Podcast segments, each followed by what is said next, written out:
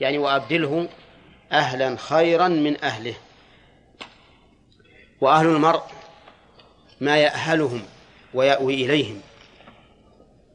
كالزوجة والولد والأم والوالد إذا كانوا عنده في البيت فأهله ما يأهلهم ويأوي إليهم. ولا شك أن الإنسان يأنس بأهله ويسر بهم ويطيب عيشه فيهم. فالرسول عليه الصلاة والسلام يقول أبدله دارا أهلا خيرا من أهله لأنه سوف ينتقل عن الأهل عن الأهل الأولين إلى أهل آخرين. فيقول أبدله أهلا خيرا من أهله وذلك في جنة النعيم.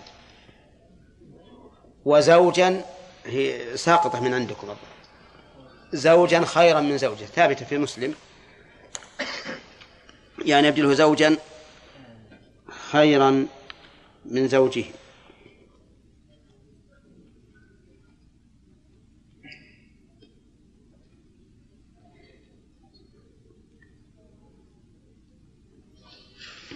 خيرا من زوجه. والزوج معروف ويطلق على الرجل وعلى المرأة في اللغة العربية. ولكن هنا إشكال وهو أن يقال من هذا الزوج الذي يبدل به زوجه في الدنيا ويكون خيرا منه؟ مع أنه يوم يوم القيامة يكون الرجل وزوجته وذريته. ربنا وأدخلهم جنات عدن التي وعدتهم ومن صلح من آبائهم وأزواجهم وذرياتهم. وثبت أن أزواج النبي عليه الصلاة والسلام يكن زوجاته في الآخرة. كيف يقول زوجا خيرا من زوجه؟ أجاب عنه بعض أهل العلم وقال إن الإبدال نوعان إبدال أعيان وإبدال أوصاف. إبدال أعيان وإبدال أوصاف. إبدال الأعيان أن أعطيك شيئا وتعطيني بدله كما يحصل في المبايعات مثلا. المشتري يعطي الثمن والبائع يعطي السلعة. هذا بدل هذا. نعم. ومنه قوله تعالى فأولئك يبدل الله سيئاتهم حسنات. تكون السيئة حسنة. وإبدال أوصاف بمعنى أن العين واحدة لكن تتغير صفاتها. ومنه قوله تعالى يوم تبدل الأرض غير الأرض والسماوات. تبدل بأعيانها ولا بأوصافها؟ بأوصافها. يوم تكون السماء كالمهل وتكون الجبال كالعهن. نعم كذلك الأرض تبدل فتكون قاعا صفصفا لا ترى فيها عوجا ولا أمتا. وتكون بعد أن بعد التكوير تكون ممدودة. وإذا الأرض مدت فهنا نقول أما زوجاته من الحور العين فلا ريب أنهن غير زوجاته من الدنيا. ولا لا؟ وهن خير من الحور العين من وجه. وهن أي الحور العين خير من زوجات الدنيا من وجه. وزوجات الدنيا خير منهن من وجه آخر. والزوجة في الدنيا تبدل في الآخرة. أوصافها ولا أعيانها؟ أوصافها. فهذا معنى قوله زوجا خيرا من زوجه. نقول إن كانت إن كانت الزوجة من الحور العين فالأمر ظاهر. إن كانت من زوجاته في الدنيا فالمراد إبدال الأوصاف. طيب. وأدخله الجنة. أدخله الجنة. الجنة سبق لنا أنها في اللغة البستان ذو الأشجار الكثيرة وسمي بذلك لأنه يجن من فيه أي يستره. ولكنه لا ينبغي أن يعرف بهذا التعريف في جنة الخلد. لأن جنة الخلد إذا إذا عرفت بهذا التعريف سوف يتصورها أكثر الناس بأقل مما هي عليه في الحقيقة. ولكن نقول إن الجنة هي الدار التي أعدها الله تعالى للمتقين وفيها ما لا عين رأت ولا أذن سمعت ولا خطر على قلب بشر. وقه فتنة القبر وقه فتنة القبر وعذاب النار. قوله قه هذه فعل أمر وتنصب مفعولين. المفعول الأول الهاء والثاني عذابا فتنة. وهي وهي من حرف واحد لأن فعلها مثال ناقص. وإذا كان الفعل مثال ناقصا صار صار فعل الأمر منه على حرف واحد. قه فتنة القبر. الفتنة في اللغة تطلق على معان. منها الاختبار ومنها الصد. قال الله تعالى ونبلوكم بالشر والخير فتنة. هذه بمعنى اختبارا. وقال تعالى إن الذين فتنوا المؤمنين والمؤمنات. ثم لم يتوبوا أي صدوا. وقال فإنكم وما تعبدون ما أنتم عليه بفاتنين أي بصادين إلا من هو صال الجحيم. فتطلق على على معان منها الصد ومنها الاختبار والامتحان. والمراد بها هنا أي أي المعنيين؟ لا فتنة القبر المراد بها الاختبار. وهي سؤال الميت عن ربه ودينه ونبيه. وهي ثابتة لكل من يدفن. إذا دفن الإنسان فإنه يسأل عن هذه الأمور الثلاثة. إلا أن العلماء اختلفوا في الصغير والمجنون. هل يسأل أو لا يسأل على قولين. ويستثنى من ذلك الشهداء. فإنهم لا يسألون. كما رواه النسائي. وقال فيه قال الرسول عليه الصلاة والسلام فيه كفى ببارقة السيوف على رأسه فتنة. وهل يستثنى الأنبياء؟ قال بعض العلماء يستثنى الأنبياء. لأنهم أولى من الشهداء ولأن المسؤول عنهم هم الأنبياء والرسل. من ربك من ما دينك من نبيك فلا يسألون. وقول و ومتى تكون هذه الفتنة؟ تكون قلت إذا دفن الميت. فإن بقي يوما أو يومين لانتظار جماعة يرحمك الله لانتظار جماعة أو لتحقيق في أمره أو ما أشبه ذلك فإنه لا يسأل حتى يدفن. لأن النبي عليه الصلاة والسلام قال إذا دفن الميت وتولى عنه أصحابه حتى إنه لا يسمع قرع نعالهم أتاه ملكان. طيب فإن لم يدفن مثل أن يموت في بر وتأكله السباع ها؟ فإنه يسأل. ولهذا نقول فتنة القبر القبر في اللغة الحفرة التي يدفن فيها الميت. ويراد بها هنا البرزخ. بين موت الإنسان وقيام الساعة سواء في حفرة أو في البحر أو على سطح الأرض. المهم البرزخ الذي بين موته ها وقيام الساعة. قال الله تعالى حتى إذا جاء أحدهم الموت قال رب ارجعون لعلي أعمل صالحا فيما تركت كلا إنها كلمة هو قائلها ومن ورائهم برزخ إلى يوم يبعثون قال قه فتنة القبر. هذا فيه إشكال وهو إذا كان السؤال عاما لكل أحد ولا بد منه فكيف يدعو النبي صلى الله عليه وسلم ربه أن يقي هذا الميت عذاب القبر أي فتنة القبر؟ مع أن الرسول صلى الله عليه وسلم قال أوحي إلي أنكم تفتنون في قبوركم مثل أو قريبا من فتنة الدجال. الجواب أن يقال إن المراد وقاية شرها وأثرها. لا وقاية فعلها أو السؤال نفسه هذا لا بد منه.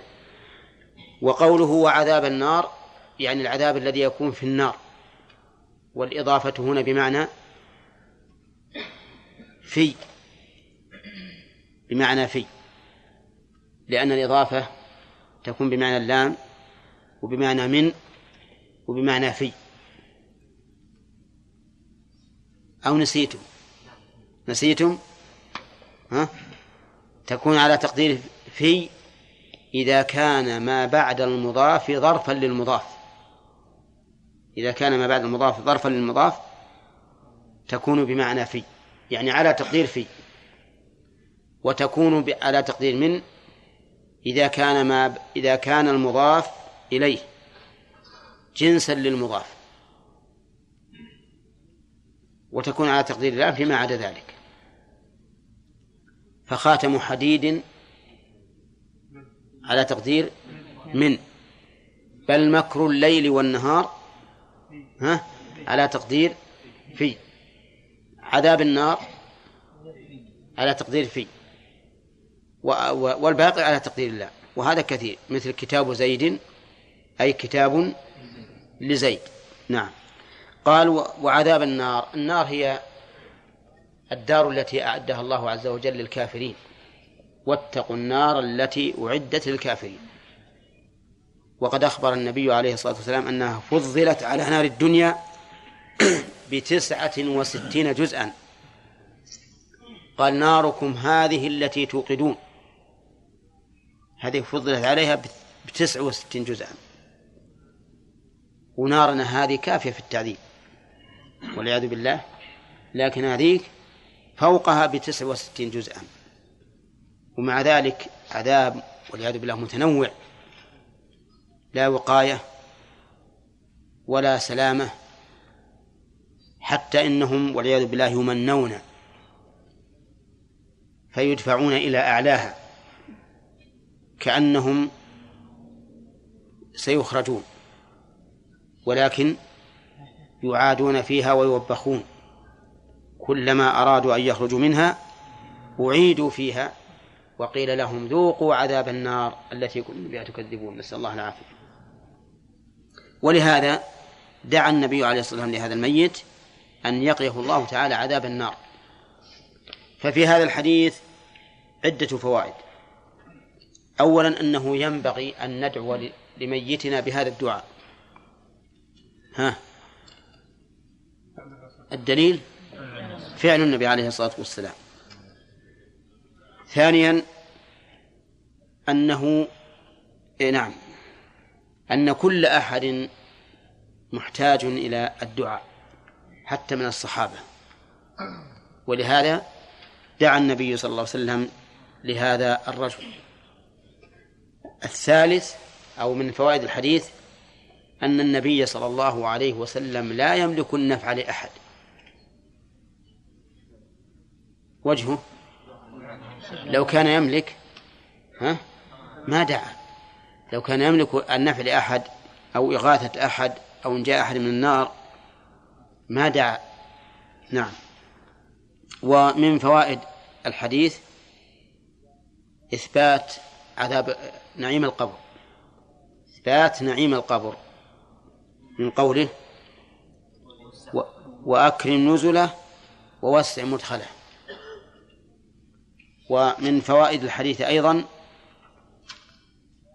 أن الإنسان ينتقل من الدنيا إلى دار أخرى. فكلاهما دار. أبدله دارا خيرا من داره. وينتقل أيضا إلى أهلين آخرين. وإلى زوجات أخر. كل هذا مستفاد من قوله دارا خيرا من داره وأهلا خيرا من أهله وزوجا خيرا من زوجه. والدور أربع في البطن في الدنيا في البرزخ في الآخرة. إما نار وإما جنة. من فوائد الحديث إثبات الجنة. لقوله وأدخله الجنة وإثبات النار لقوله وعذاب النار. ومن فوائده إثبات فتنة القبر لقوله وقه فتنة القبر. وقد دل على ذلك قوله تعالى يثبت الله الذين آمنوا بالقول الثابت في الحياة الدنيا وفي الآخرة ويضل الله الظالمين ويفعل الله ما يشاء. فإن هذه تدل أيضا على فتنة القبر. في وفي هذا الحديث إشكال وهو إذا كان الإنسان لم يتزوج من قبل. هل نقول أبدله زوجا خيرا من زوجه؟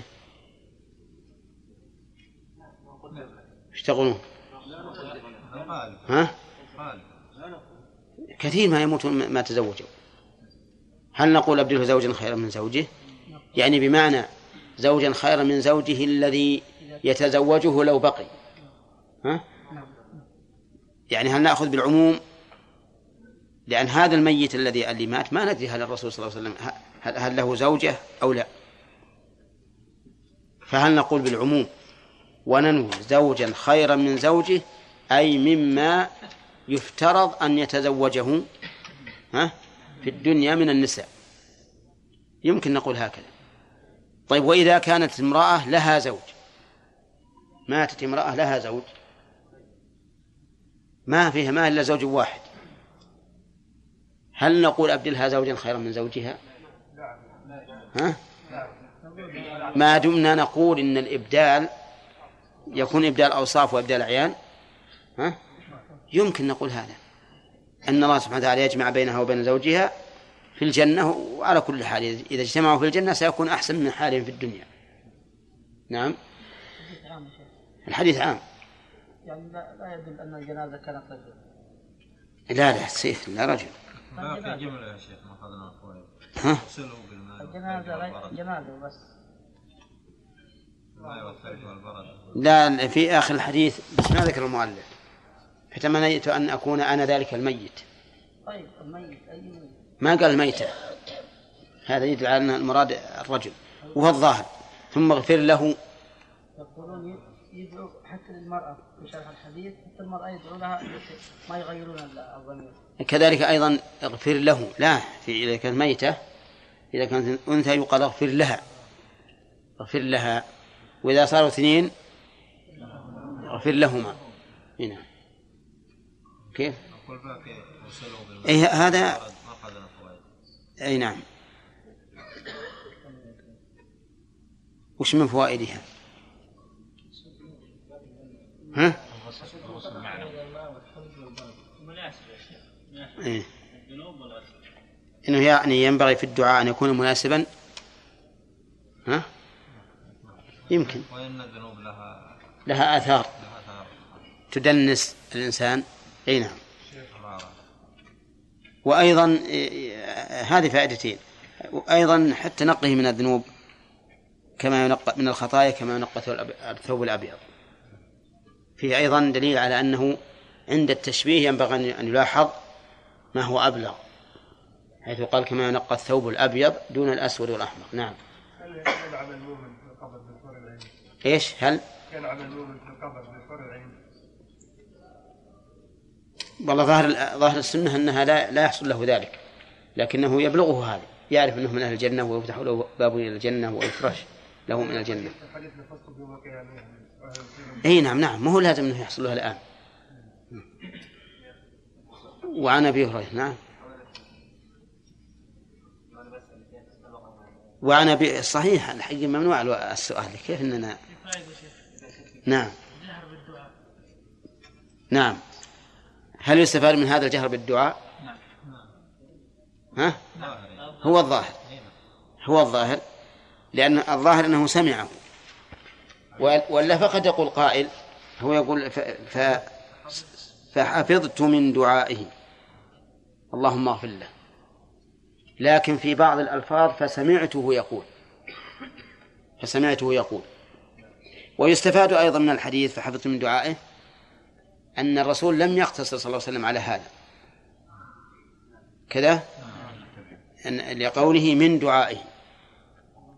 فإما أن يكون لم يسمع إلا هذا وإما أن يكون نسي ولم يحفظ إلا هذا. وعن أبي هريرة رضي الله عنه قال كان رسول الله صلى الله عليه وسلم إذا صلى على جنازة يقول كان ويقول. تقدم أنها تفيد الاستمرار لكن غالبا لا دائما. يقول اللهم اغفر لحينا. وميتنا لحينا الضمير يعود على المسلمين لا على الأمة جميعا لأنه لا يجوز أن يدعى الكافر. طيب إذا كان عربيا ونحن عرب. ها ولو كان. طيب اغفر لحينا وميتنا. ميتنا الحاضر ولا من مات من قبل؟ من مات من قبل.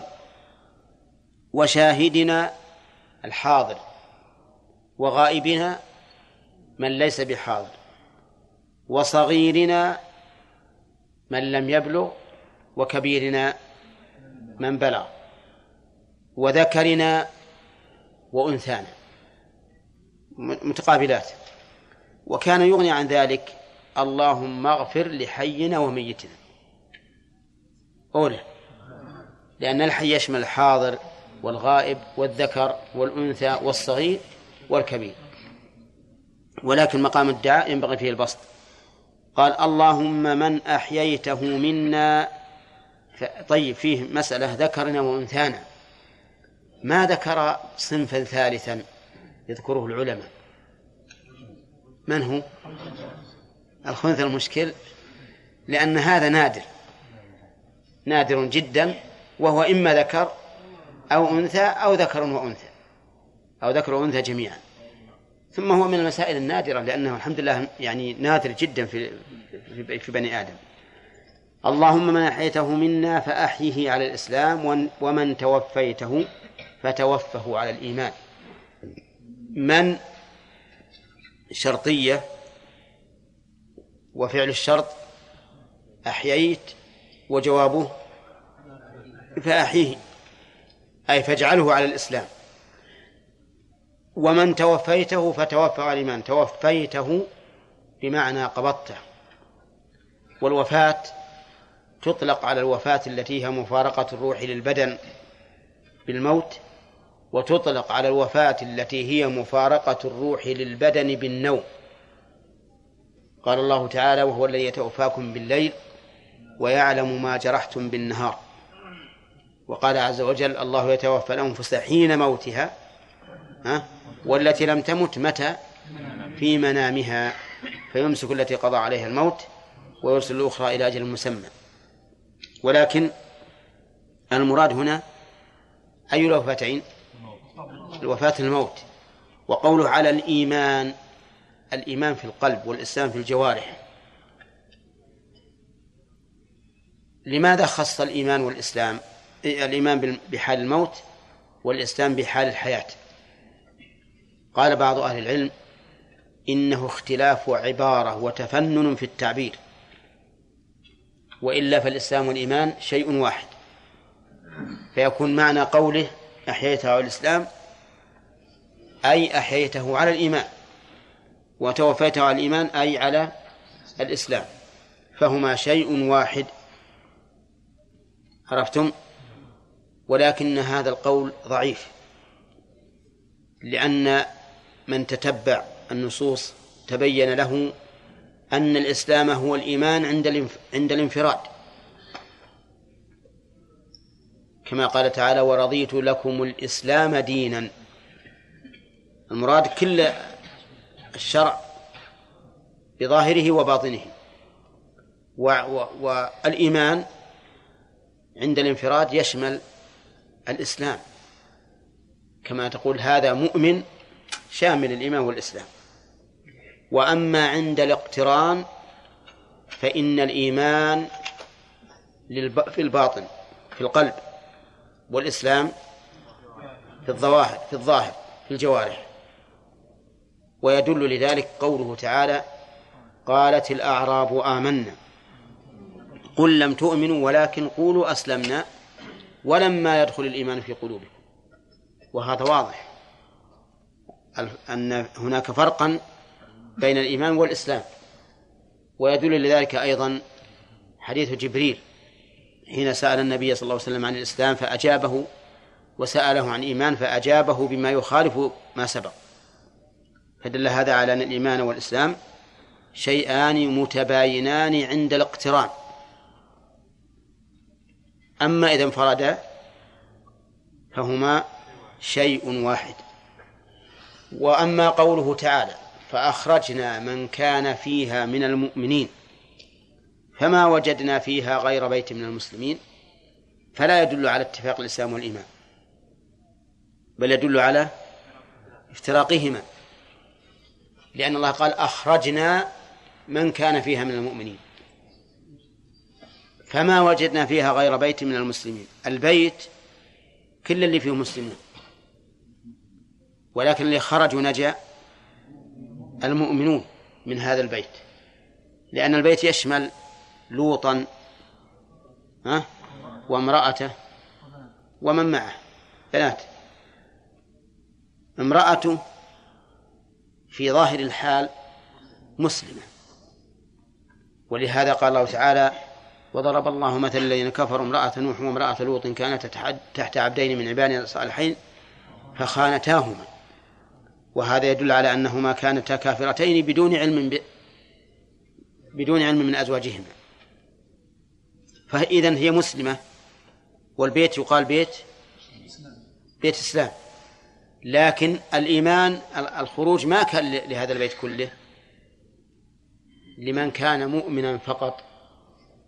فالآية لا تدل على أن الإيمان والإسلام شيء واحد. إذن لماذا فرق النبي صلى الله عليه وسلم في في دعاء الميت بين الحياة والموت؟ فقال أحيا على الإسلام وفي الموت توفى على الإيمان. لأنه إذا كان حال الحياة يغلب عليه العمل نعم العمل نعم كالصلاة والصلاة أما إذا كان حال الموت نعم فالاعتقاد أنه عمل لأنه لا لا عمل زي الاعتبار ما في عمل. ما في عمل. نعم صح. نعم. نعم. أبلغ. أي نعم. هذان وجهان. من غاية المراد مثلا الإنسان الموت على الإيمان الكامل. أي نعم. هذا قريب من من كلام سامي. طيب هذا والله ه- هذا السبب. لأنه أيضا في حال الحياة كون الإنسان جاريا على الظاهر موافقا للناس غير مخالف يكفي يكفي. نعم لكن إذا نابذهم هذا المشكل أما في حال الموت فالأمر بخلاف ذلك لأنه قد ولى وهذا قريب مما قال آه، مشرع. ثم قال جت الأسئلة؟ خير. إن شاء الله. توفيته منا. نعم يعني من المسلمين. إيش؟ إيش؟ أقول أتى بقراءة الفاتحة نعم. انتقل الدعاء الصلاة على النبي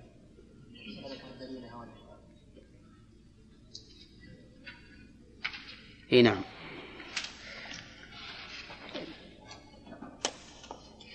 إما أن يقال إنه سبق في نفس الكتاب في قصة الرجل الذي سمعه النبي عليه الصلاة والسلام يدعو ولم يحمد الله ولم يصلي على النبي صلى الله عليه وسلم فقال عجل هذا ويؤخذ مما سبق وإن كان هذا بعيدا لأنه قد لا يكون يخطر ببال المؤلف تلك الساعة أو أنه يرى أنها ليست بواجبة.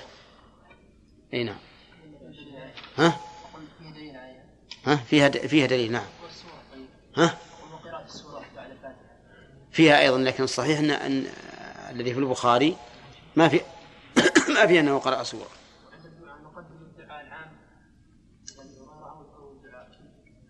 أه، نبي نذكره بعد بعد في الفوائد إن شاء الله. نعم. على التقرير على هذا التقرير بمعنى من كانت فيه نعم. هذا يلزمنا أن نشهد بأن امرأة لوط من المسلمين إن إيش؟ أن امرأة لوط إيه. من المسلمين. ظاهرا. ضربها الله مثلا بالكافرين. إيه ظاهرا. يعني ك- المنافق الآن في حكم الظاهر مسلم. ولهذا المنافقون في عهد الرسول عليه الصلاة والسلام أجرى عليهم أحكام الإسلام الظاهرة. ولكن يا شيخ ما يمكن يكون الإسلام معنى الآية؟ أن الإسلام نتيجة طبيعية للايمان وعلى كل حال نتيجة. لكن الإسلام قد يكون بدون إيمان. هو متى كان الإنسان مؤمنا حقا فلا بد أن يسلم ويستسلم لله تعالى ظاهرا وباطنا.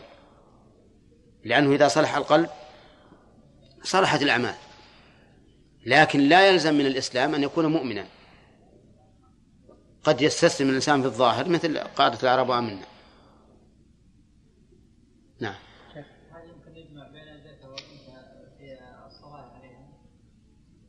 هنا نعم؟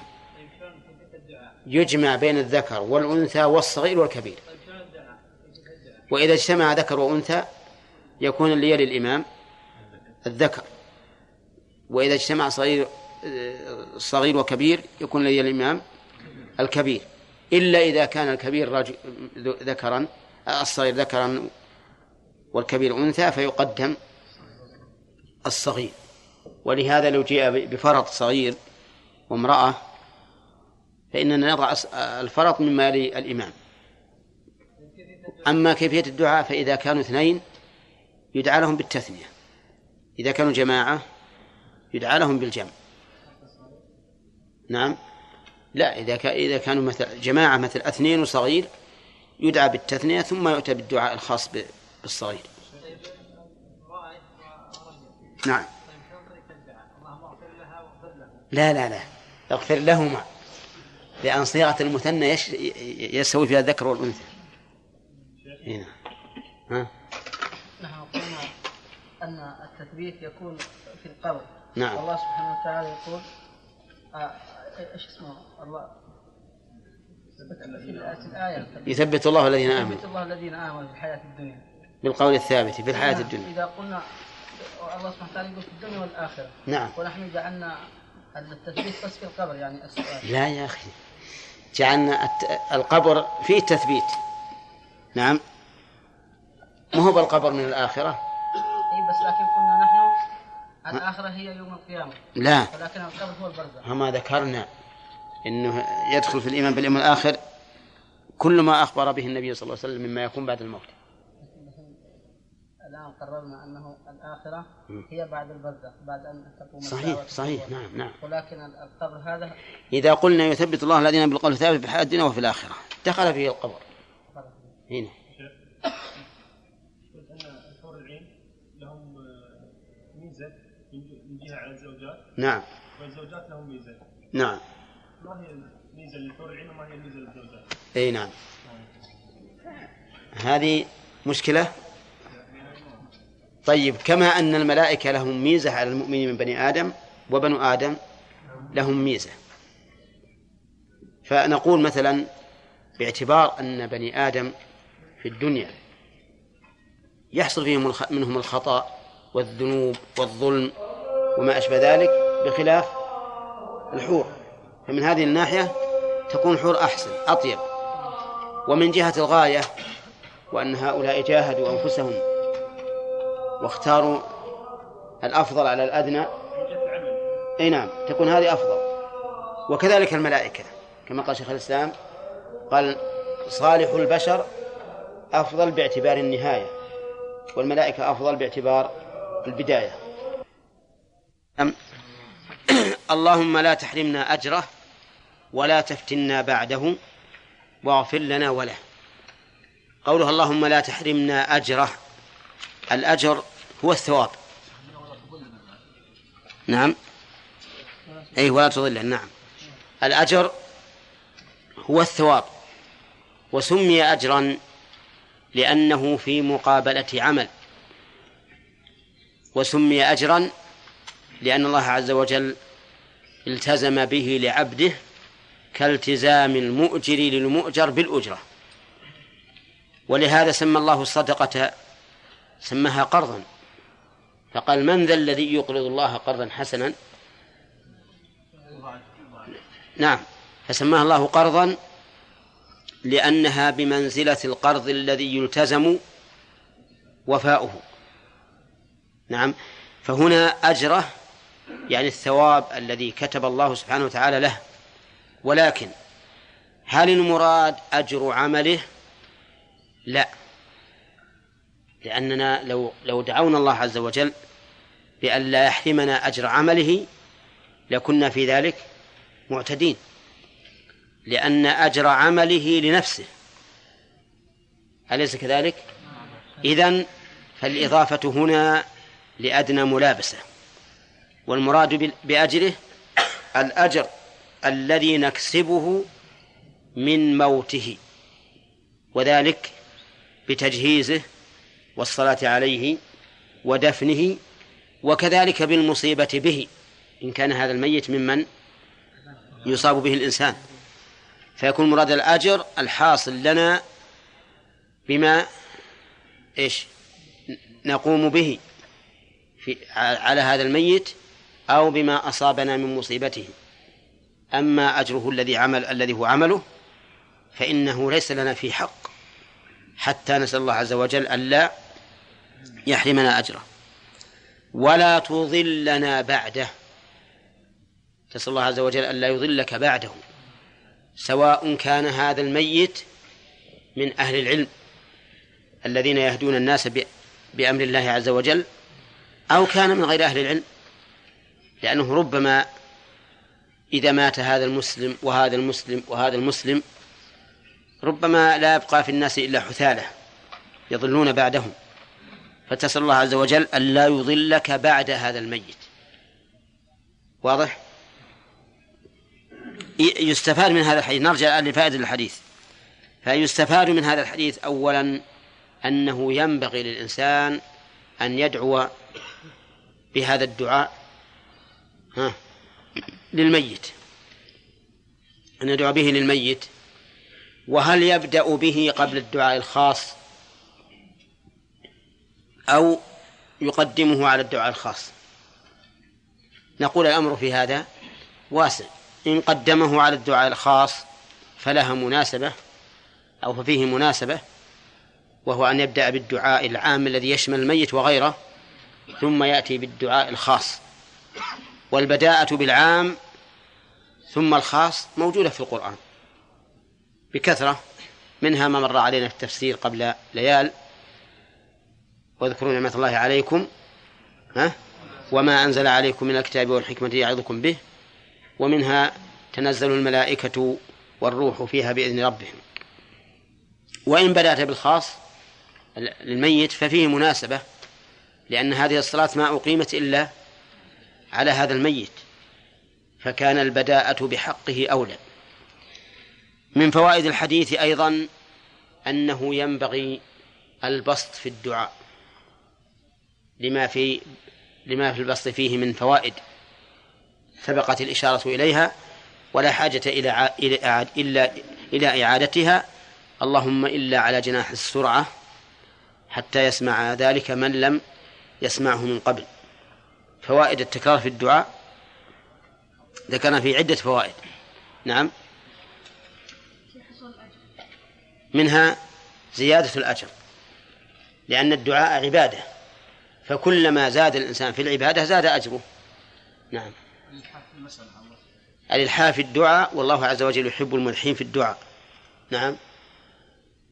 أي ما أشرت أنه إذا بدأ لفظ في الدعاء في الدعاء قد يأتي شيء من التفسير آه. قد يبدو له أشياء ما كانت تطرأ عليه لكنها تخطر على باله عند التبسط في الدعاء. ذكرنا هذا. نعم. أن فيه زيادة الذل والخضوع لله عز وجل وهذا لا شك أنه يكسب العبد زيادة في الإيمان. نعم. يطيل. المناجاة مع محبوبه فإن كل محبوب لا بد أن يفرح الإنسان بطول المناجاة معه والدعاء مناجاة مع الله سبحانه وتعالى. نعم.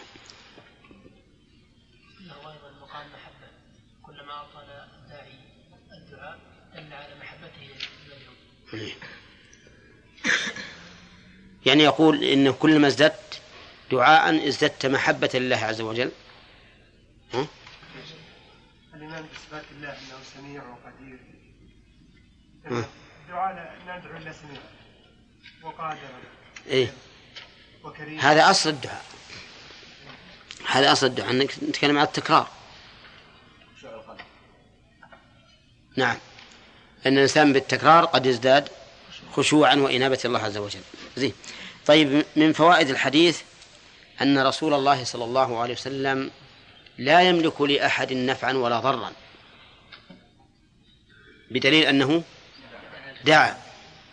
ولو كان يملك لقال قد غفرت لحينا وميتنا. ولم يقل اللهم اغفر لحينا وميتنا. ومن فوائد الحديث ما يتضمنه الدعاء من شعور الإنسان بعلم الله وقدرته وكرمه. أليس كذلك؟ أولا شعور له بعلمه لأنك لا يمكن أن تدعو من لا يعلم وقدرته لا تق... لا تدعو من لا يقدر وكرمه لا تدعو من لا يعطي ويتفضل. فالإنسان الداعي يشعر بذلك بلا شك. نعم. وهل وهل أيضا هل يكون دليلا على إثبات السمع؟ السمع. ها؟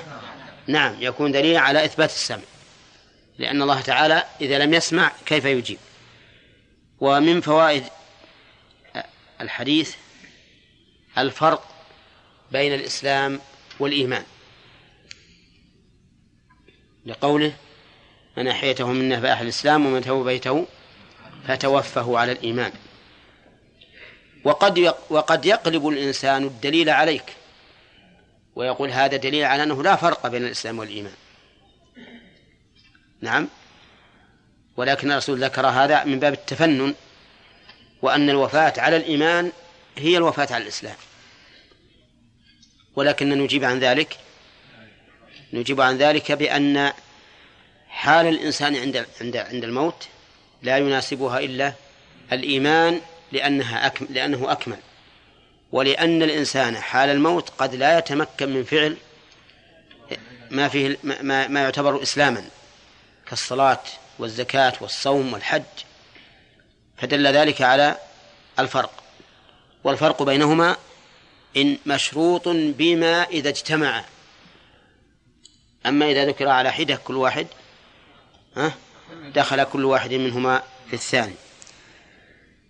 ومن فوائد الآية الحديث أن للإنسان أجرا في الصلاة على الميت وتجهيزه والصبر على مصيبته. لقوله اللهم لا تحرمنا أجره.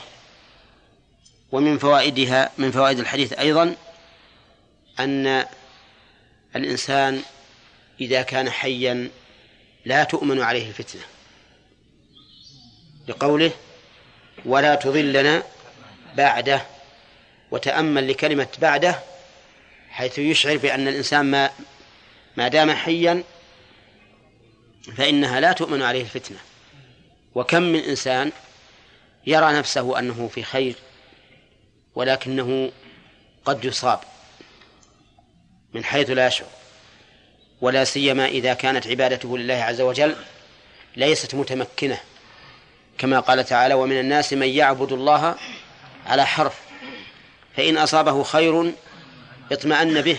إذا ما إذا لم إذا لم يأته شيء يكدر عليه اطمأن به. وإن أصابته فتنة انقلب على وجهه خسر الدنيا والآخرة. والفتنة التي قد تصيب الإنسان ضعيف العبادة إما شبهة وإما شهوة. إما شبهة تلتبس عليه يلتبس عليه العلم. فيضل والعياذ بالله ويبقى حيران. وإما شهوة والشهوة قد تكون محاولة لنيل المحبوب أو لدفع المكروه. قد يرتد الإنسان إذا أصيب بمصيبة. قد يصاب الإنسان مثلا بفقد ابنه أو أبيه أو أخيه أو أحد عزيز عليه فتؤثر هذه المصيبة في قلبه حتى يرتد والعياذ بالله لفوات محبوبه. نعم. وقد تكون الفتنة طلب محبوب لا فوات محبوب طلب محبوب يفتن الإنسان والعياذ بالله إما بالتكاثر في الدنيا وإما بشهوة الفرج وإما بغير ذلك فيضل. ولهذا يجب على الإنسان أن يكون حذرا حذرا من كل شيء. وأن لا يعتمد على ما في قلبه. فإن الرسول صلى الله عليه وسلم قال في الدجال من سمع به ها فلينأ عنه. فإن الإنسان قد يأتي إليه وهو مؤمن فلا يزال به حتى يتبعه بما يبعث من قلبه في قلبه من الشبهات. نسأل الله لنا ولكم السلامة والحماية. فالمهم أنك كن دائما مراقبا لقلبك. دائما مراقبا لقلبك. ولا تعتمد على مجرد ما تفعله من العبادات. العبادات صحيح.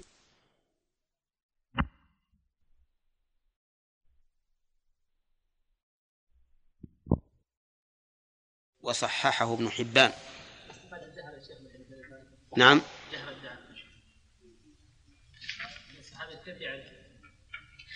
لا هذا ما ما هو ما هو لازم.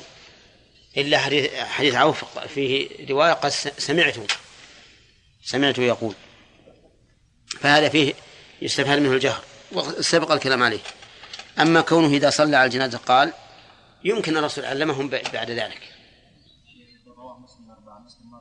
ها؟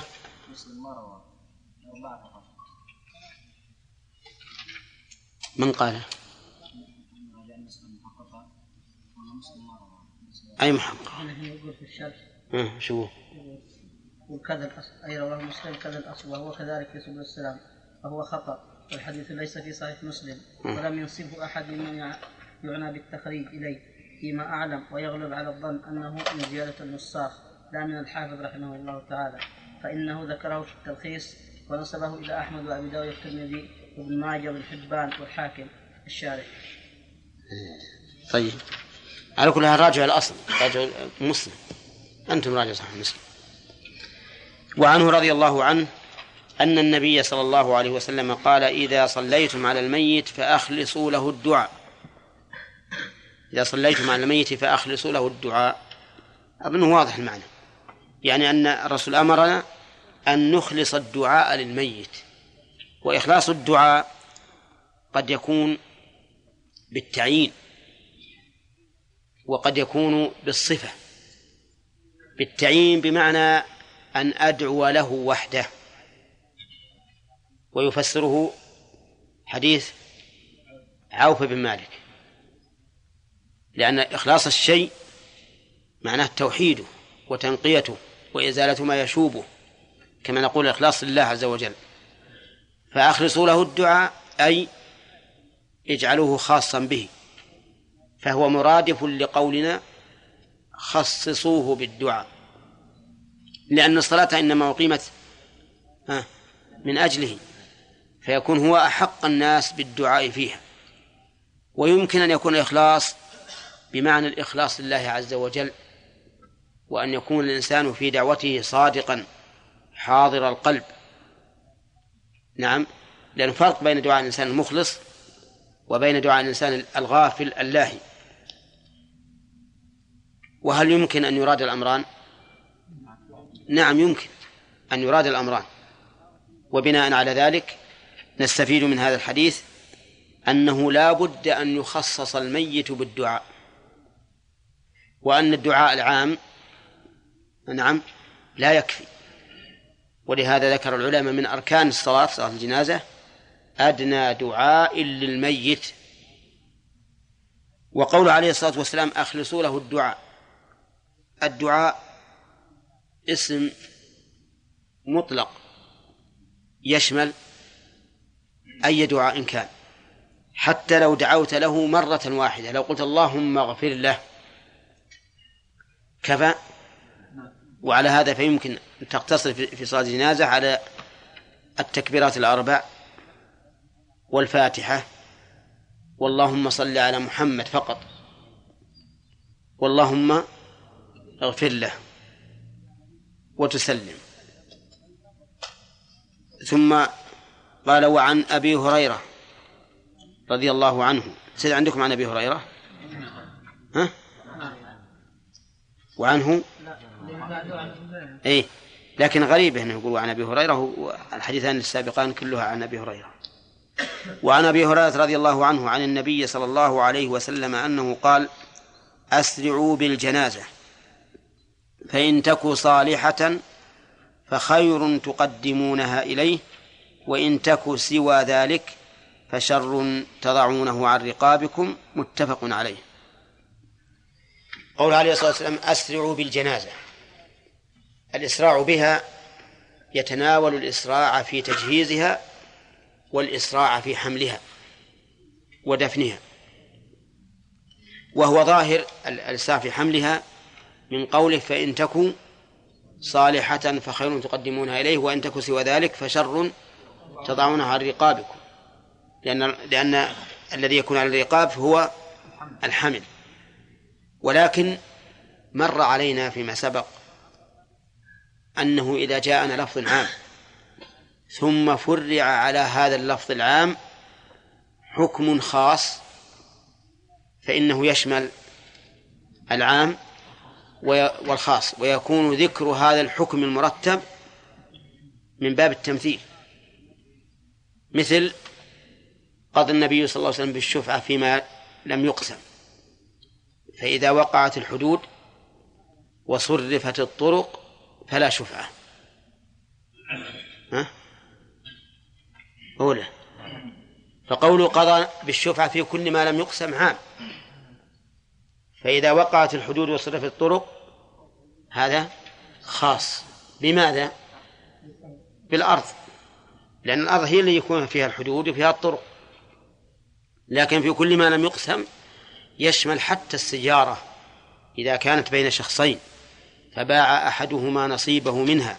على ثالث فإن للشريك الأول أن يشفع.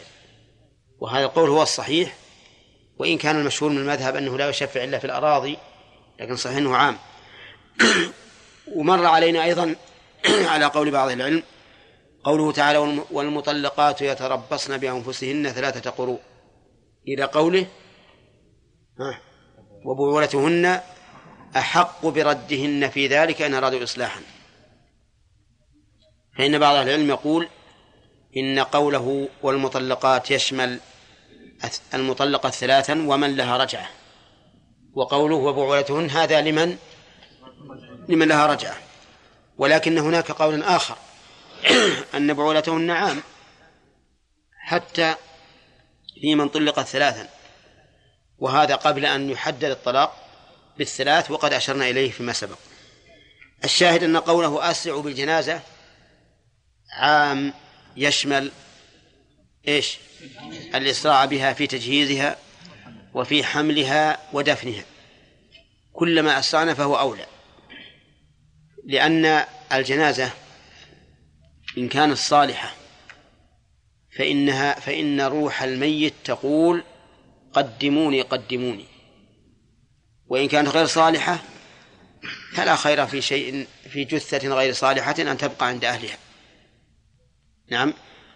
وقول عليه الصلاة والسلام أسرعوا بالجنازة.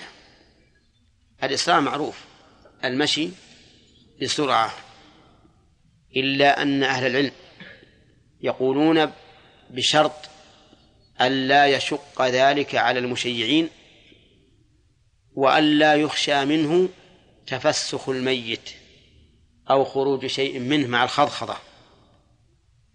فإن خيف تفسخه كما لو كان الميت حريقا وخيف من الإسراع به أن يتمزق فإنه لا يسرع به. أو خيف أن يخرج منه شيء لكونه مصابا بالبطن وأنه مع الخضخضة ربما يخرج شيء فإنه لا يسرع فيه الإسراع الذي يخشى منه ذلك.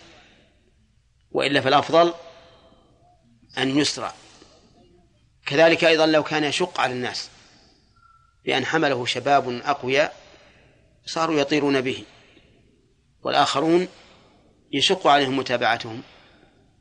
فإن هذا أيضا ليس ليس مقصود الشارع. ولهذا قال الرسول عليه الصلاة والسلام في الماشي يكون أمامها وخلفها وعن يمينها وعن شم- وعن شمالها الماشي. وهذا يدل على أنه لا يكون الإسراع إسراعا شديدا يشق على الناس. وقوله فإن تك صالحة فخير تقدمونها إليه. نعم. إذا كانت صالحة فإنكم تقدمونها إلى خير لأنكم تقدمونها إلى الجنة يا من فضلك. فإنه فإن أول مراحله مراحل نعيمه هو قبره. فإذا قدمته إلى هذا القبر فقد قدمته إلى خير من الدنيا وما فيها. ولهذا قال فخير تقدمونها إليه. وقال وإن تكوا سوى ذلك ولم يقل وإن تكوا طالحة. وهذا من حسن التعبير. من حسن التعبير. قال سوى ذلك. كراهة أن يقول طالحة. نعم. أو سيئة أو ما أشبه ذلك. وهذا كما قلت من حسن تعبير الرسول عليه الصلاة والسلام. فشر تضعونه عن رقابكم. ولم يقل فشر تقدمونها إليه. لأنه لا ينبغي لنا أن نقدم أخانا المسلم إلى شر. لكنه قال إنه شر تتخلصون منه. وهذا صحيح أن الإنسان يؤمر أن يؤمر أن يتخلص من الشر. ها؟ نعم يؤمر أن يتخلص من الشر. وهذا أيضا من بلاغة الرسول صلى الله عليه وسلم في لفظه. قال فشر تضعونه عن رقابكم. طيب ما إعراب قوله فخير تقدمونها إليه مبتدأ أي أو خبر مثل محذوف. أي فذلك خير. وعلى هذا على كونها خبرا لمبتدأ محذوف يكون الجملة تقدمونها إليه صفة لخير. وعلى أنها خير مبتدأ تكون الجملة خبر مبتدأ. وكذلك نقول فشر تضعونه على رقابكم. إما أن تكون مبتدأ خبرها تضعونه أو خبر مثل محذوف أي فذلك شر. تضعونه على رقابكم نأخذ الفوائد من هذا الحديث. أولا كمال نصح الرسول صلى الله عليه وسلم للأمة. كمال نصح النبي صلى الله عليه وسلم للأمة. وذلك من قوله أسرع بالجنازة ثم ذكر العلة. ومن هذه من هذا المنطلق نعرف أن ما جاء به من أسماء الله وصفاته فهو مبني على كمال العلم وكمال النصح. ولا لا؟ كمال العلم وكمال النصح. فليس فيه إلغاز وليس فيه حاجي وليس فيه تضليل للناس. فإذا قال إن الله يفرح بتوبة عبده يعني أشد من فرح الإنسان ببعيره التي ضلت ثم وجدها. هل نقول إن الرسول صلى الله عليه وسلم لم يرد الفرح؟ أو لا؟ ما نقول. لو كان المراد سوى الفرح لبينه الرسول عليه الصلاة والسلام لأنه ناصح. ما يكلم الناس بكلام وهو يريد غيره بدون بيان أبدا. وكذلك في كل الصفات. وبهذا نرد على أهل التحريف الذين اتخذوا لأنفسهم اسما وهو التأويل. سموا أنفسهم أهل التأويل ولكنهم في الحقيقة أهل التحريف. الرسول صلى الله عليه وسلم ما يتكلم بكلام وهو يريد خلافه أبدا. إلا بينه. طيب يستفاد من هذا الحديث مشروعية الإسراع بالجنازة. لقوله أسرعوا بالجنازة. ويستفاد منها حكمة الرسول صلى الله عليه وسلم بقرن الأحكام بعللها. لقوله فإن تكوا وإن تكوا. كل هذا لنعرف العلة في الأمر بالإسراع ويستفاد منه إثبات عذاب القبر. ونعيم القبر. من أين يؤخذ؟ تقدمونها إليه وشر تضعونه عن رقابكم. ويستفاد منه أن من المؤمنين من هو صالح ومنهم من هو سوى ذلك. من المسلمين قصدي. من المسلمين من هو صالح ومنهم من هو سوى ذلك. ها؟ وجه ذلك أنه قسم من يصلى عليهم وغير المسلم لا يصلى عليه فعلى هذا يكون من المسلمين من هو صالح ومنه من هو سوى ذلك. وهذا كقوله تعالى عن الجن وأنا منا الصالحون ومنا دون ذلك. وهؤلاء الذين دون ذلك مسلمون. لما أرادوا أن يقسموا أنفسهم إلى مسلمين وغير مسلمين قال وأنا منا المسلمون ومنا القاسطون. فمن أسلم فأولئك تحرر رشدا وأما القاسطون فكانوا لجهنم حطبا. فالجن قسموا أنفسهم إلى مسلم وكافر وقسموا المسلم إلى صالح ودون ذلك. وهذا نظير هذا هذا التقسيم في كلام الرسول صلى الله عليه وسلم. انتهى أظن. الأسئلة نعم.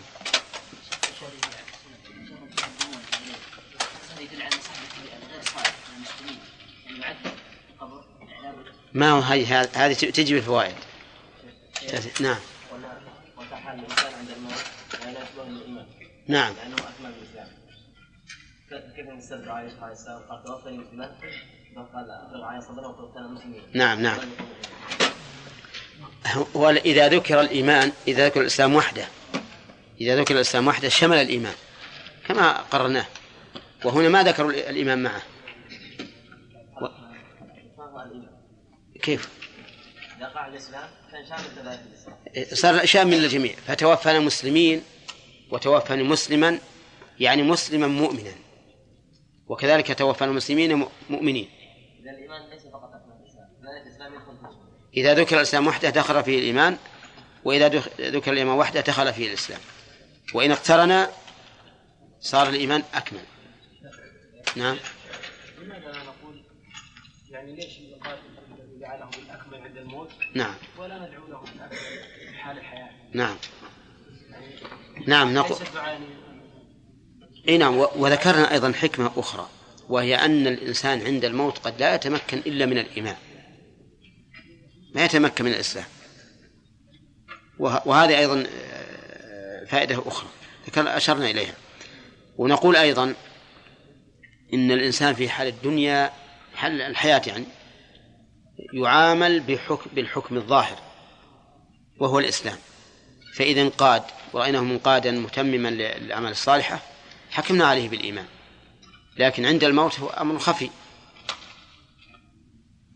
نعم إذا قدم الجنازة هل يجب عليه أن نسأل عن حال صاحب الجنازة؟ عن؟ حال صاحب الجنازة يصلي أو لا يصلي؟ يعني عن صا... عن الجنازة قد عن الجنازة ولا عن حال صاحبها؟ حال صاحبها. حال صاحبها؟ أو حال الجنازة ها؟ أقول حال الجنازة ولا حال صاحبها؟ ها؟ أي نعم. طيب ما نسأل عنها؟ ما دام في بلاد إسلام فهو مسلم على الأصل. ولكن إذا شككت في هذا فأنا قد قصصت عليكم قصة ذكرها ابن القيم عن شيخه أنه رأى النبي صلى الله عليه وسلم بعد ال- الأذان إن شاء الله. فيه فقد ذكر ابن القيم عن شيخ الإسلام ابن تيمية أنه رأى النبي صلى الله عليه وسلم في المنام وسأله عن أشياء منها أنه يقدم جنائز. يشك الإنسان في- إسلامها. فقال له النبي صلى الله عليه وسلم عليك بالشرط يا أحمد. عليك بالشرط. الشرط يعني أن تقول اللهم إن كان مسلما فاغفر له وارحمه. حقيقة أنا أقول هذا لأن الناقل ثقة وهو ابن القيم. والذي توقعت هذه القضية الذي نقل أنه رأى الرسول أيضا ثقة وهو شيخ الإسلام ابن تيمية. ولكن هل معنى ذلك أننا نح نعمل بالمرائي نعم. مشكل. إن قلنا لا أخطأنا. إن قلنا نعم أخطأنا. انفتح علينا باب التجاني وغيرهم. ها؟ إذا كان فيه استناد إلى الشرع أي إذا كان مستندا إلى شرع قبلناه. وذلك بأن يوجد قرائن تدل على صدق الرؤيا أو شواهد من الكتاب والسنة. فالقرائن مثل ما جرى لثابت بن قيس بن شماس رضي الله عنه حين قتل في اليمامة ومر به أحد الجند فأخذ درعة وذهب به إلى رحله. ووضع عليه برمة. البرمة تعرفونها؟ آه. البرمة قدر. قدر من فخار. والفخار تعرفونه ولا لا؟ طيب. هذه البرمة. وضعها على الدرع. فلما كان في الليل جاء ثابت بن قيس بن شماس رضي الله عنه إلى أحد أصحابه. وقال له إن درعي أخذه أحد الجند والله ما دعا سماها وما سماه وأنه وضعه تحت برمة في طرف العسكر وحوله فرس تستن. فلما أصبح الرجل ذهب إلى خالد بن الوليد وأخبره. قال له أنه رأى كذا وكذا. فأمر خالد أنه يذهب إلى المكان وينظر. فذهبوا إلى المكان ووجدوا الدرع تحت البرمة وحوله فرس تستن. وكان من جملة وصيته أيضا أنه قال يقضى عنه دينه الفلاني ويعتق عبده الفلاني.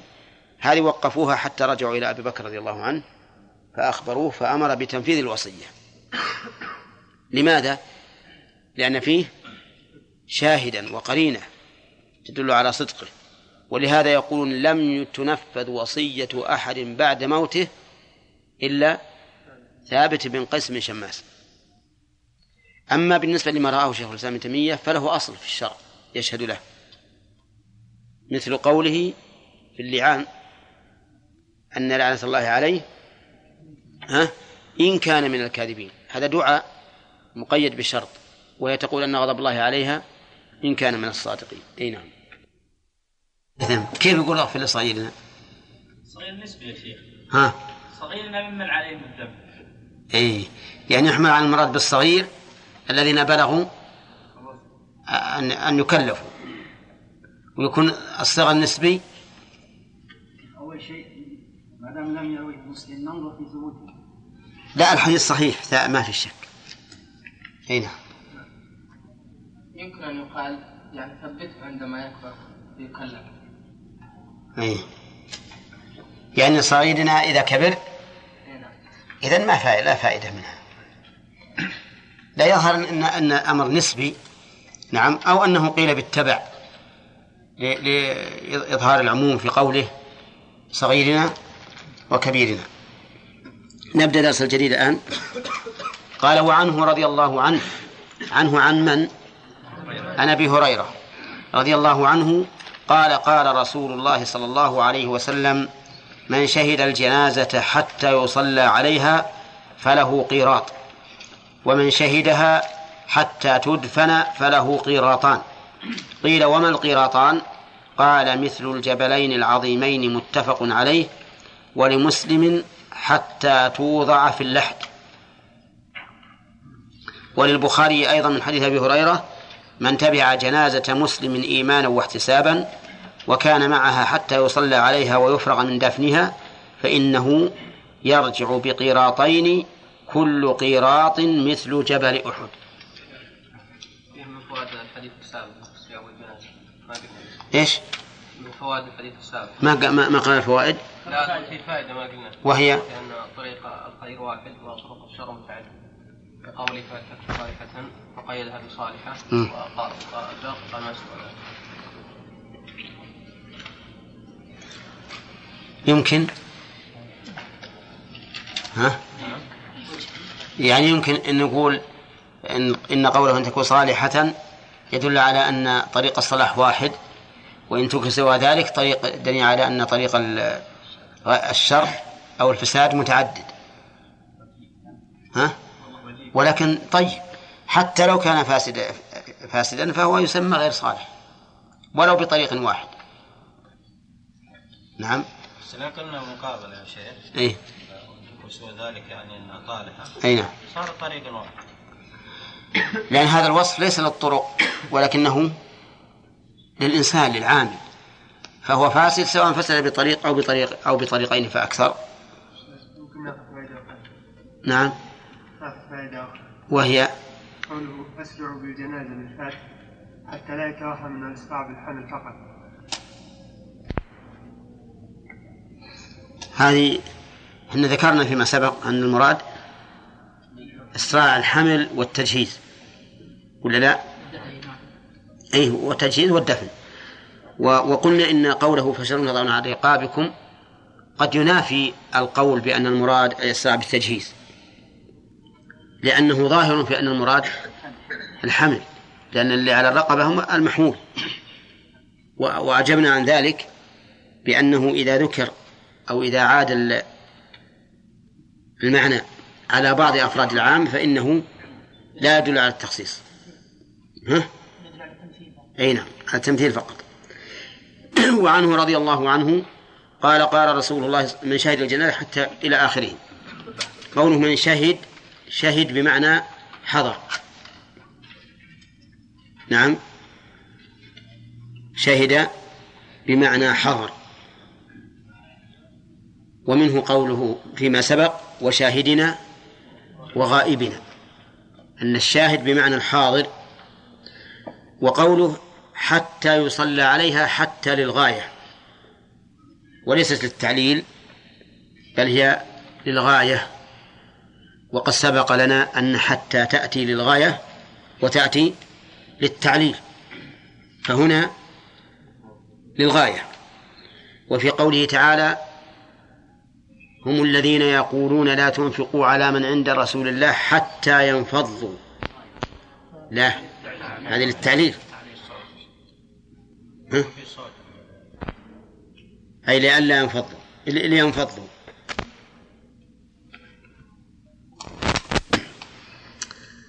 وقوله فله قيراط هذه جواب الشرط. ومن شهدها حتى تدفن وقول حتى للغاية أيضا. وتدفن فيها كما ترون ثلاث روايات.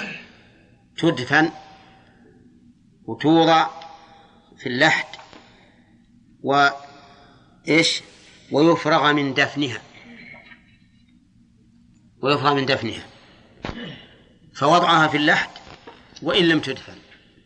وتدفن وإن لم يفرغ ويفرغ من دفنها. هو الغاية.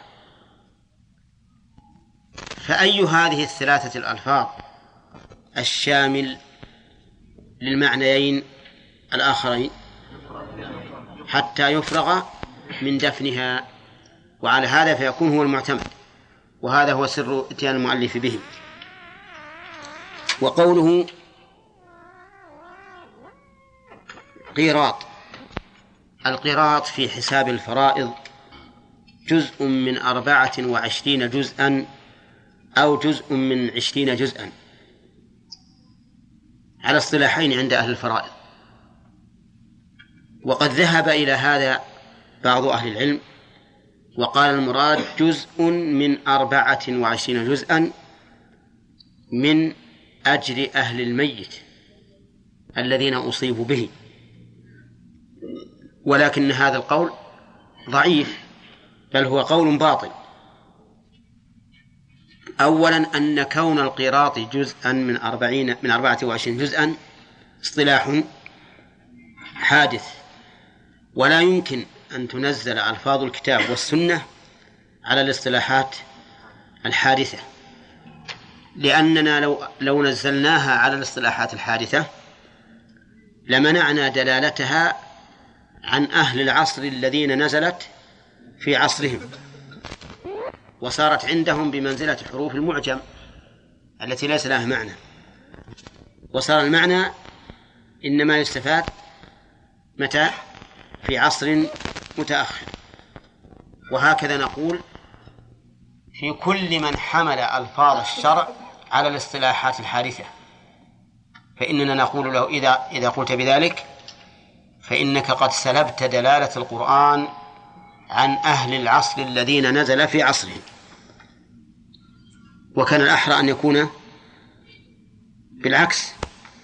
يعني لو فرض أن القرآن مو صالح إلا لعصر واحد لكان صلاحيته لعصر لعصر من كان في عصرهم أولى. طيب والوجه الثاني مما يبطل هذا المعنى أن الرسول صلى الله عليه وسلم فسره هو بنفسه. لما سئل ما القراط؟ أو ما القراطان؟ قال مثل الجبلين العظيمين. ولا يمكن أن يفسر كلام أحد بخلاف ما فسره هو به. فعلى هذا نقول إن القول بأنه جزء من عشرين من أربعة وعشرين جزءا باطل من وجهين. طيب. قوله من شهدها حتى تدفن حتى يصلى عليها. واضح أن هناك شهود أن هناك شهودا للجنازة قبل الصلاة عليها. فمن من متى يكون؟ من خروجها من بيتها حتى يصلى عليها أو من وجوده منتظرا لها حتى يصلى عليها.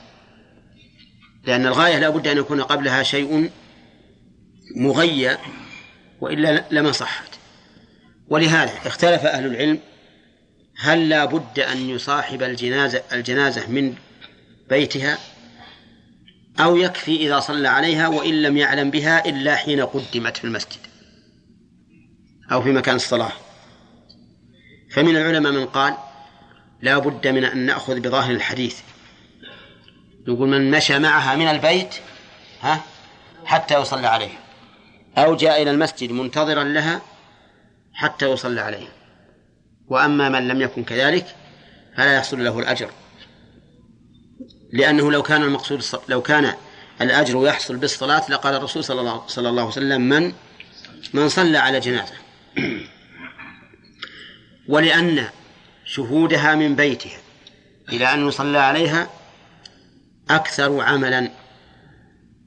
ولا يمكن أن يساوي الأكثر عملا ما كان دونه. وعلى هذا فمن صلى فقط فله أجر معلوم عند الله ولا يلزم أن يكون هو هذا الأجر المقدر. عرفتم؟ وقال بعض أهل العلم بل المقصود الصلاة. وكون الرسول عليه الصلاة والسلام يقول من شهد حتى يصلي عليها لأنه ربما يشهدها في حملها وتجهيزها ثم لا, لا ينتظر الصلاة. فيكون معنى فيكون المقصود هو الصلاة. وإنما ذكر ما قبلها لأنه وسيلة إليها. ولكن مع ذلك لا يستوي الأجران. أجر من مشى معها من بيتها أو جاء منتظرا لها حتى حضرت وأجر من صلى عليها مصادفة بدون أن يكون متهيئا لها ومستعدا لها. وقوله حتى تدفن عرفتم الروايات فيها. حتى توضع في اللحد أو حتى يفرغ من دفنها وقلنا نعتمد حتى يفرغ من دفنها لأنه تجتمع فيه كل الروايات الثلاث. فإننا إذا فإنه إذا فرغ من دفنها فقد شهدها حتى وضعت في اللحد وحتى دفن الميت ولكن لم يتم. من القيراطان مبني المجهول فمن القائل؟ القائل هو أبو هريرة كما ورد ذلك في بعض الألفاظ. ثم إنه لا يعنينا أن نعرف عين القائل لأن المهم الحكم. ولهذا دائما يحذف الفاعل أو يبهم الراوي صاحب القصة لأنه ليس ليس هو المقصود. المقصود معرفة الحكم. و وقوله مثل مثل الجبلين العظيمين. في بعض الألفاظ أصغرهما مثل أحد. وفي لفظ البخاري الذي الثاني كل كل قراض مثل جبل أحد. وعلى هذا فيكون أحد جبلا عظيما يعني من الجبال العظيمة لأنه كبير. فعلى هذا يستفاد من ذلك الحديث من هذا الحديث عدة فوائد. أولا الترغيب في شهود الجنازة. لماذا؟ لإدراك هذا الأجر العظيم. ولهذا لما ذكر ذلك لعبد الله بن عمر. قال لقد فرطنا في قراريط كثيرة ثم صار لا تفوته جنازة إلا خرج معها. ويستفاد من هذا الحديث أيضا أن هذا الأجر مرتب على الصلاة ولكننا لا نجزم بذلك إلا لمن شهدها حتى يصلى عليها. وأما من أترك الصلاة فقط فالله أعلم لكن نرجو أن يكون كذلك. ومن فوائد الحديث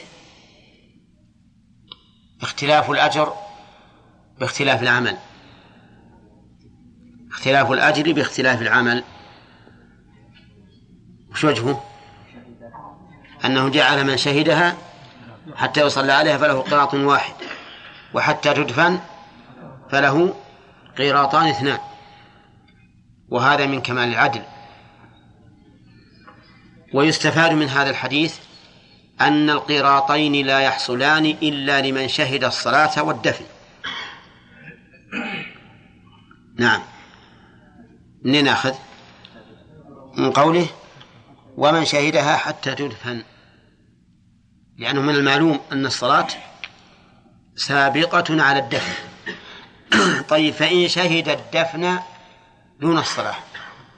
مثل أن يمر رجل بأناس في المقبرة يدفنون ميتا فحضر وشاركهم في الدفن. ها. هل يحصل له أجر؟ قيراط ولا قيراطان قيراط واحد؟ ما في دليل. نعم الحديث ما في دليل.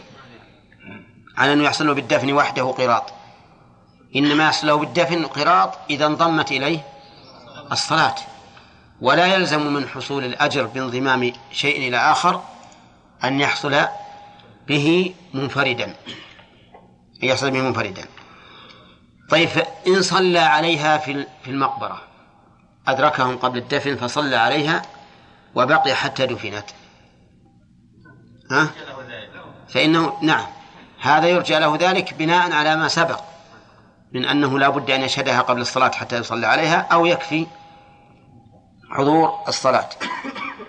ومن فوائد الحديث حرص الصحابة رضي الله عنهم على العلم لسؤالهم لسؤالهم عن هذين القيراطين. ومن فوائد الحديث الرد على أهل التفويض الرد على أهل التفويض بالضاد من هم أهل التفويض؟ أهل التفويض هم الذين يقولون إن نصوص الكتاب والسنة فيما يتعلق بأسماء الله وصفاته ما له معنى. لا ليس لها معنى معلوم عندنا وإنما الواجب علينا أن نفوض علمها إلى الله. ما وجه الرد؟ أن الصحابة لما جهلوا اللفظ في هذه المسألة الجزئية ها استفسروا عنه. فلو كانت نصوص الكتاب والسنة غير مفهومة في أسماء الله وصفاته هل يدعوها الصحابة بدون استفهام؟ مع أنها زبدة الرسالة. لا يمكن أبدا أن يدعوها بدون استفهام. فلما لم يستفهموا عنها علم أن معناها معلوم عندهم. وهذا هو الواقع. أن معاني كتاب الله وسنة رسوله عليه الصلاة والسلام معلومة عند الصحابة ولا فيها جهالة إطلاقا. لأن الله قال للرسول عليه الصلاة والسلام وأنزلنا إليك الذكر. لماذا؟ لتبين للناس ما نزل إليهم ولعلهم يتذكرون. أي إنسان يقول في القرآن شيء ما بين ما بين وله معلوم عند الصحابة فقد قدح في مدلول هذه الآية. معناه أن الرسول ما بين ما بين. فعلى هذا نقول في هذا الحديث رد على أهل التفويض. وقد علمتم ما نقلناه عن شيخ الإسلام ابن تيمية أن قول أهل التفويض من شر أقوال أهل البدع والإلحاد مع أن بعض الجهال الآن يظنون أن هذا هو مذهب أهل السنة والجماعة أو مذهب السلف. نعم ولهذا يقولون عبارتهم الكاذبة من وجه والصادقة من وجه. يقولون طريقة السلف أسلم وطريقة الخلف أعلم وأحكم. لأن السلف عندهم بمنزلة الأميين. اللي يقول والله ما ندري. وش معنى كذا؟ قال والله ما ندري. اللي يقول ما يدري عما لا يدري سالم ولا لا؟ اللي يقول ما أدري لا أدري عما لا يدري. سالم لا شك. معلوم سالم. ما, ما تكلم بغير علم ومع ذلك يقولون طريقة الخلف أعلم وأحكم. وهذا تناقض بين. كيف تكون طريقة الخلف أعلم وأحكم؟ ولا هي بأسلم. لأن مبنى السلامة الحقيقية على العلم والحكمة. فإذا فيلزم من كون طريقة الخلف أعلم وأحكم أن تكون أسلم أو نقول يلزم من كون طريقة السلف أسلم أن تكون أعلم وأحكم. ولذلك العبارة هذه وإن قالها من قالها من العلماء الأجلة فهي في الحقيقة مردودة على قائلها. وطريقة السلف بلا شك أسلم وأعلم وأحكم. نعم. طيب. أهل التفويض شيخ الإسلام رحمه الله يقول إن قولهم شر أقوال أهل البدع. لأن قولهم يستلزم أن الرسول صلى الله عليه وسلم ما بين الحق في أسماء الله وصفاته. بل إن الله عز وجل ما بين الحق في أسمائه وصفاته. وهذا شر ولا خير؟ شر. يستلزم شيء آخر إنه استطال على استطال أهل التخيل من الفلاسفة وغيرهم استطالوا على أهل السنة. اللي زعموا أنه ممثلة. وقالوا لكم إذا كانكم ما تعلمون معاني الكتاب والسنة روحوا وخروا عن الدرب. حنا اللي نعلمها. نعم. النبوات والمعاد والإله كله لا حقيقة له. ما له حقيقة.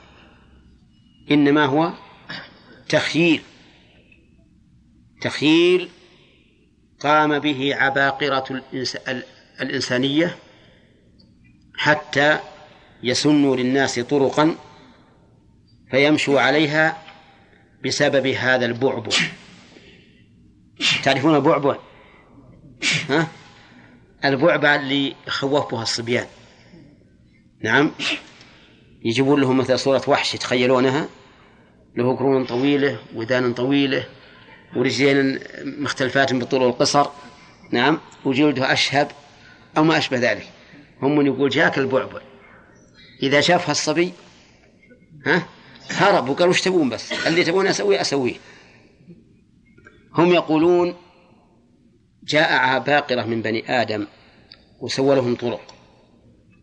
طرق يعبرون عنها بالإصلاح أو التهذيب أو ما أشبه ذلك من الكلمات. وقالوا وش نسوي بالعالم دي؟ مهم طيعة توافق. لكن بنقول إن هناك رب. هناك رب. وهناك جنة ونار واللي ما يطيعنا يدخله هذا الرب النار واللي يوافقنا يدخله الجنة. وإلا فإن الحقيقة لا شيء. يا جماعة ليش قال؟ نعم إحنا عرفنا هذا من القرآن والسنة. إن المقصود بكل هذا القرآن والسنة المقصود بإيش؟ التخويف والتقويم. ولا ما له حقيقة؟ وأنتم تقولوا والله ما ندري وش المقصود بها. فكنا نحن أعلم أعلم منكم ها بهذا الكتاب وبهذه السنة. والمهم أن أن أهل التفويض قولهم باطل بلا شك وهذا الحديث مما يبطل قولهم. ومن فوائد الحديث تفسير المعقول أو إن شئت فقل تفسير الموعود بالموجود. ها؟ منين ناخذ؟ الجبلين.